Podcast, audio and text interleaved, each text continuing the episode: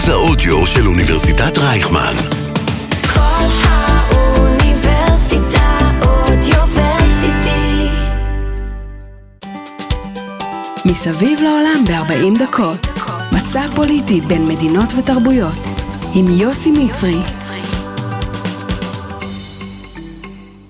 שלום לכולם, וברוכים הבאים לעוד פרק של מסביב לעולם ב-40 דקות, כאן בכל האוניברסיטה, והיום אנחנו עם הפרק השלישי של הסדרה שלנו על הפלסטינים, המאה הפלסטינית.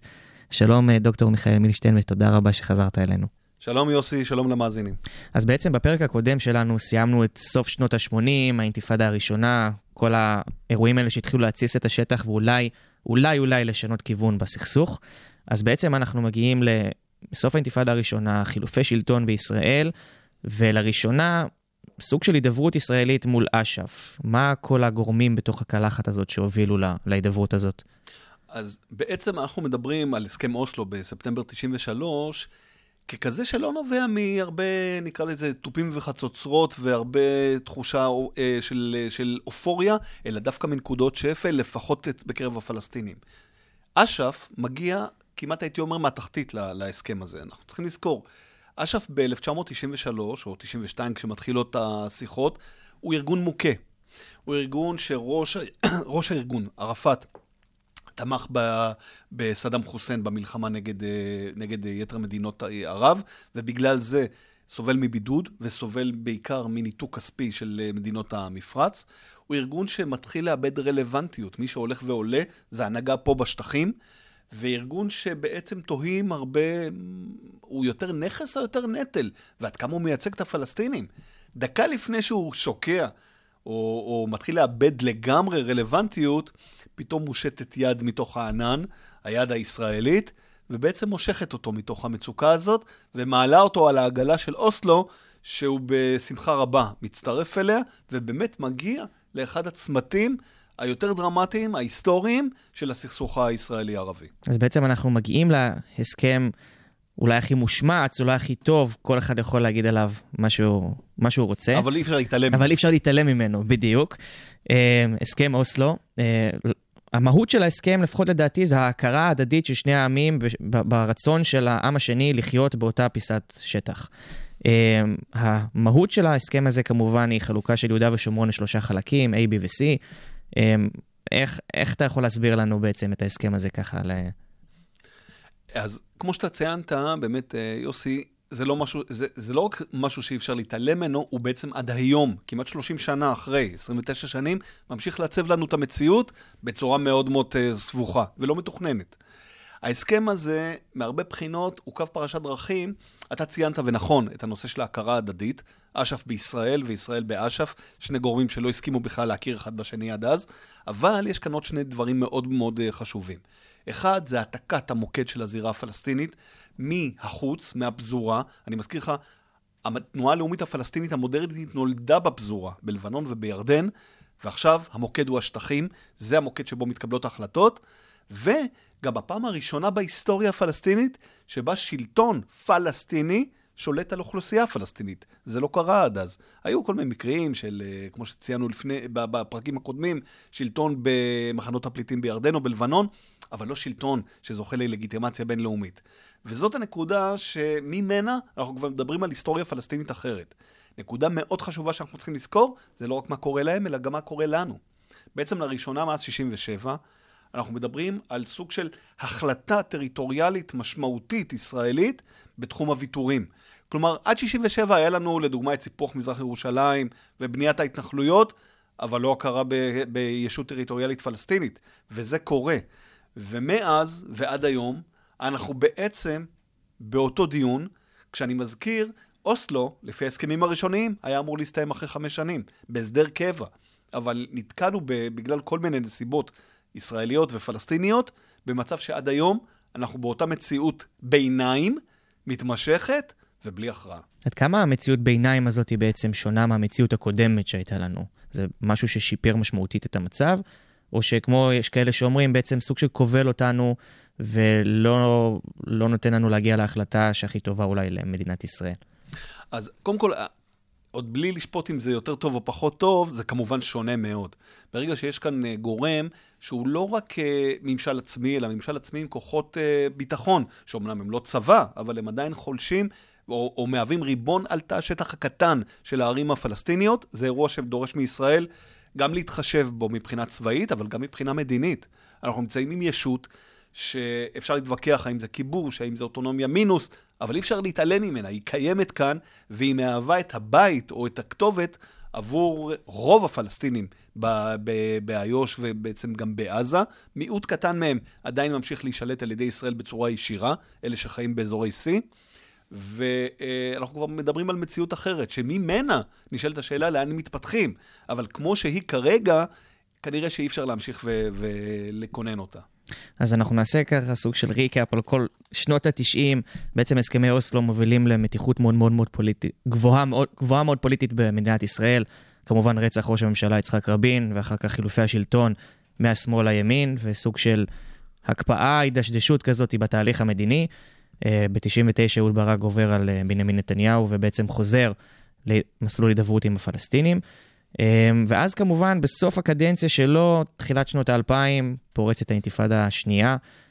מה בעצם התסיס שם את כל העניין הזה אחרי שיחות שלום מאוד מאוד ארוכות שנמשכו על פני עשור? אז באמת, ספטמבר, אוקטובר 2000, דרמה ענקית. אה, צומת, אה, צומת היסטורית נוספת, מאוד דרמטית מבחינת הפלסטינים. אני מזכיר לך כאן, יוסי, ההתפרצות הזאת, שהיא בעצם עד היום ההתפרצות האלימה הכי קשה בין ישראלים לפלסטינים, אה, כמעט הייתי אומר מאז המרד הגדול בשנות ה-30, הייתה בצמידות למשא ומתן הכי אינטנסיבי שהיה אי פעם בשיחות קמפ דיוויד בקיץ 2000. על נושא הסדר הקבע. והמעבר החד הזה משיחות על הסדר קבע וסוף הסכסוך, חשבנו שזה יהיה סוף הסכסוך, לעימות הקשה, הם סוג של מפל ציפיות חריף מאוד, שבעיקר מי שחש בו וממשיך אה, לחשוב על פיו עד היום, זה הציבור הישראלי. מה גרם? בעצם זה סוג של דילמה או תהייה או מס, מסכת האשמות שעד היום אנחנו דנים בה. 20 ו-22 שנים אה, אחרי נכתבים גם ספרים ומאמרים ותוכניות.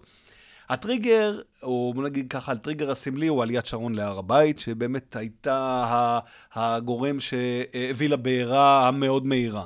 אבל כשאתה בודק את הדברים לעומק וגם מסתכל על מסמכים ועל חומרים, אתה מבין שהיו כאן דברים יותר עמוקים. היה כאן לדוגמה את חוסר הרצון, זה לא חוסר יכולת, חוסר הרצון של ערפאת להגיע להכרעה שתצייר אותו בהיסטוריה הפלסטינית כמי שוויתר בנושא הפליטים ובנושא ירושלים, והרצון שלו לצאת לעימות שאולי ייתן לו יכולת לחזור בתנאים יותר טובים. היה כאן עוד משהו, פנים פלסטיני. היה דור צעיר שחש אה, כמעט הייתי אומר נבגד על ידי הנהגת תוניס, שהגיעה והשתלטה כאן על העניינים, וראה באינתיפאדה השנייה סוג של הזדמנות לעשות שינוי במעמד שלו, ולכן כל כך אה, מהר נלהב, היה נלהב להצית את, ה, את השטח.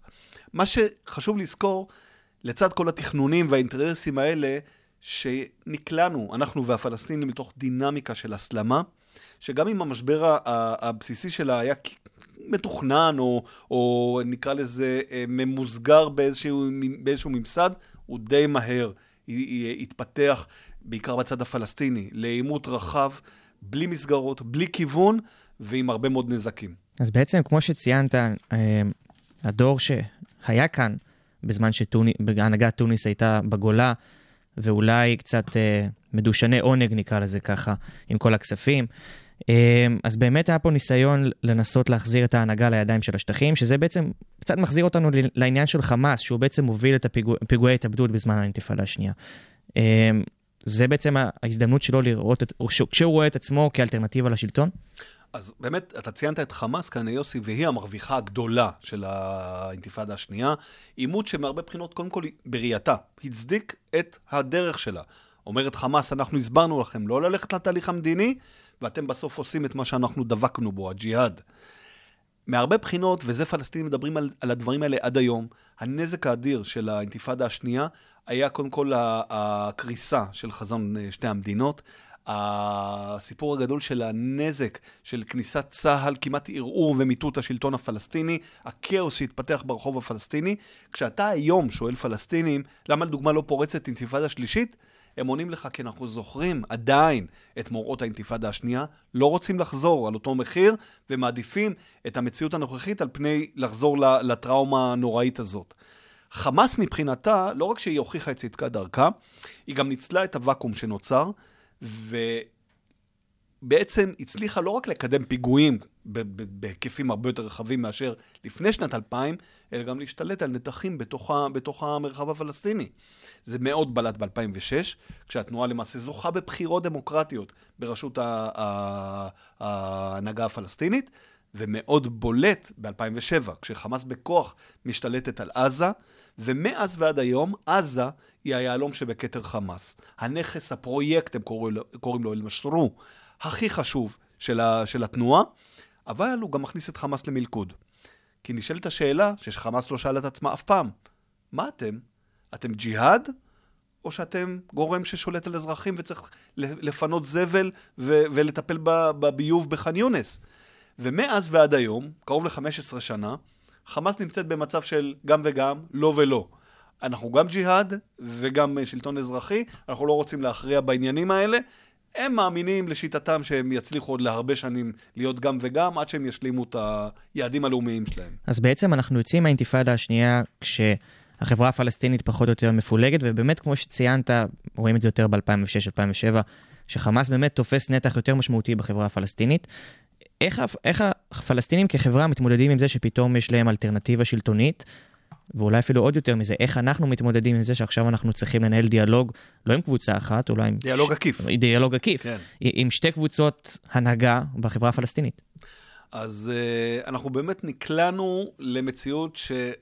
אני אגיד את זה בעדינות, כנראה שאדריכלי אוסלו פחות תרחשו אותה, uh, והגענו אליה למרות הכל. אגב, מציאות פשוט היא, היא לא רק כאוטית, אלא היא יוצרת כמה סוגים של מציאויות קטנות עם מעמדות שונים בתוך המערכת הפלסטינית. יש את עזה, שהיא פחות או יותר מדינה למחצה, עם ריבון בתוך עזה שמקיים צבא, שגם נלחם בנו כל הזמן. יש את uh, הרשות, ששולטת באזורי A ו-B, שהיא סוג של אוטונומיה uh, טריטוריאלית, ויש את אזורי C, שהיא אוטונומיה לא טריטוריאלית שאנחנו שולטים עליה. ויש את מזרח ירושלים, שחיים שם 360 אלף אנשים שהם אזרחים, סליחה, שהם תושבים שאינם אזרחים. אירוע שמחייב אותך כמדינת ישראל, א', להבין שרוב הרעיונות של פעם, או חלק גדול מהם לא תקף, כמו לדוגמה חזון שתי המדינות, והייתי אומר, צורך לתפור מדיניות לא לכל הזירה, אלא לפי הזירות, אה, הזירות הקטנות, הזירות המשנה, לעזה מדיניות משלה, לאיו"ש מדיניות משלה, לירושלים מדיניות משלה, עם כמובן הבנה שיש זיקות בין כל הזירות האלה. ובעצם אנחנו נכנסים לסוף העשור הראשון של תחילת שנות האלפיים, אה, בנימין נתניהו שוב חוזר לשלטון, ואפשר להגיד אולי שהמנטרה הכי מרכזית שלו זה למסמס את המשא ומתן עם הפלסטינים, וזה באמת מה שקורה בעשור האחרון, אולי אפילו טיפה יותר, הציבור הישראלי שכח מהפלסטינים ומהניסיון בעצם לנסות להגיע לפתרון. אה, ואפשר להגיד שנוצר נזק מאוד משמעותי לכל התהליך הזה. אה, כמה בעצם הנזק הוא עמוק. אז קודם כל, חשוב לי רק, יוסי, לא, לא, אה, אנחנו לא לפני יום כיפור ואשמנו וחטאנו, אה, אבל אה, לא רק לטפול על ישראל את כל, ה, את כל הבעיות שנוצרו, לפלסטינים יש אה, נתח אדיר בסיפור הזה. אה, כשאנחנו לדוגמה היום מדברים על אה, הקושי האדיר, כמעט חוסר היכולת, לממש את חזון שתי המדינות כמו שהוא הוצב בימי אוסלו, חלק גדול מהתשוב, מה, מההסבר הוא לא רק הקיפאון המדיני ולא רק ההתרחבות של ההתיישבות, אלא גם הפיצול שחל בזירה הפלסטינית. היום כשאתה בא באופן תיאורטי לאבו מאזן ואומר לו בוא כרגע נדון על uh, פתרון ברוח uh, 67, אומר חמאס רגע רגע, אני שולט בעזה, לא אתה. אתה יכול לחתום על איזה הסכמים שאתה רוצה, אבל זה לא תקף אליי. ואני חושב שכרגע, והציבור בישראל חייב להבין את זה לעומק, עומדות בפניו שתיים וחצי אפשרויות, חלופות אסטרטגיות מרכזיות. אנחנו חייבים להכיר את זה, כי ככה הולך להיראות העתיד שלנו. אפשר להמשיך פחות או יותר במציאות הנוכחית, לעטוף אותה בכל מיני דברים שאני קורא להם רעיונות הגם וגם, צמצום הסכסוך, אה, חלוקה מדינית שאינה טריטוריאלית, שלום כלכלי, אה, מתוך אגב אמונה שכלכלה יכולה לכופף אידיאולוגיות. אפשר אה, להחליט על סיפוח או מלא של איו"ש, או חלקי, בשני הנתיבים האלה, בסוף אתה מגיע למצב של מיזוג בין, ה, בין, ה, בין איו"ש לבין אה, ישראל, וכאן אתה צריך להחליט במזלג הזה, מזלג הוודיות הזה, האם אתה הולך על דגם דרום אפריקאי, שבו יש שני מעמדות אזרחיים בישות אחת, או שאתה מחליט על אזרוח מלא, שיש לזה משמעות דמוגרפית. אה, מבחינת ישראל, בהקשר של, אה, של הזהות שלה כמדינה יהודית ודמוקרטית. מהצד השני, יש את האופציה שמדברים עליה כבר מאה שנה, בן גוריון ואלון ורבין ושרון, והיא ההפרדה. אנחנו לא בהכרח מדברים על אה, מדינה פלסטינית, אנחנו כן מדברים על קו גבול, שבמסגרתו אנחנו יודעים איפה נגמרת הטריטוריה הישראלית ומתחילה זאת הפלסטינית. זה כמובן לא נוסחה לשום שלום ושום שלווה ושום אה, אה, אה, יונים שהתעופפו כאן. סביר מאוד להניח שגם אחרי שאנחנו נכונן ישות אוטונומית פלסטינית בצד השני של הגבול, ימשיכו להיות כאן אתגרים ביטחוניים קשים. אבל, ועם זה אני ממש ארצה לסכם ולהדגיש, אה, אה, יוסי, אנחנו מדברים על מדינת ישראל ככזאת שניצבת מול ברירות רעות וצריכה למצוא את הכי פחות רעה. אני כן חושב, וכאן אנחנו קצת צריכים לטלטל את הציבור הישראלי, בטח לפני הבחירות, שזו שאלה שחייבים להעמיק בה, ולא רק חייבים להעמיק בה, גם חייבים לדרוש מהפוליטיקאים שלנו להסביר בצורה מעמיקה במה אתה מאמין, מה אתה מתכנן, ואיך אתה רואה את העתיד. בין היתר, על זה אתם תיבחנו, לדעתי צריך להגיד הציבור הישראלי לפוליטיקאים שלו, ואני כולי תקווה שבאמת הדבר הזה יהפך לנושא מרכזי בשיח הבחירות. אז בעצם אנחנו מוביל... מגיעים לשאלה האחרונה של כל הסדרה שלנו. מה הסיכוי לתקן את הנזק שנוצר עד עכשיו באשמת שני הצדדים, ומה אנחנו כציבור ישראלי צריכים בעצם לדרוש מהפוליטיקאים שלנו שיגידו? האם זה בסדר ש... אני לא יודע מה, X אומר שהוא רוצה סיפוח, Y רוצה שהוא רוצה הפרדה, וג' בכלל אומר שהוא רוצה צמצום, ובואו נחליט, אבל רק תגידו את זה. אז אני חושב שבאמת זו שאלה מאוד, אה, מאוד נוקבת, שהציבור הישראלי קודם כל בעצמו צריך להבין לעומק גם את המציאות, כלומר, מה קורה כרגע. חלק גדול מהישראלים בכלל לא מבינים מה קורה, ב... אה, גם לא מתעניינים במה קורה כרגע באיו"ש או במזרח ירושלים או בעזה. וגם לדרוש באמת מהפוליטיקאים להפסיק להשתמש בסיסמאות. בטח לא סיסמאות שאבד עליהם הקלח. לדוגמה, שאתה אומר חזון שתי המדינות, למה אתה מתכוון ב-2022? האם עזה יכולה להיכלל בחזון שתי המדינות? האם איך שנראית היום הדמוגרפיה והגיאוגרפיה באיו"ש, אתה באמת יכול לדבר על שתי מדינות? האם יש ישות פלסטינית שאפשר לקרוא לה באמת גורם אחראי שיכול לכונן אה, מדינה? זה אני רוצה שפוליטיקאים שמדברים על הסיסמה הזאת, ישתמשו בה, יעמיקו בה. מהצד השני, צריך לשאול את אלה שמשתמשים במונחים של צמצום הסכסוך. למה אתה מתכוון? האם אתה יכול לכופף אידיאולוגיה ורגשות לאומיים רק באמצעות יותר היתרים, או, יותר, או כלכלה יותר טובה, או יכולת תנועה יותר טובה?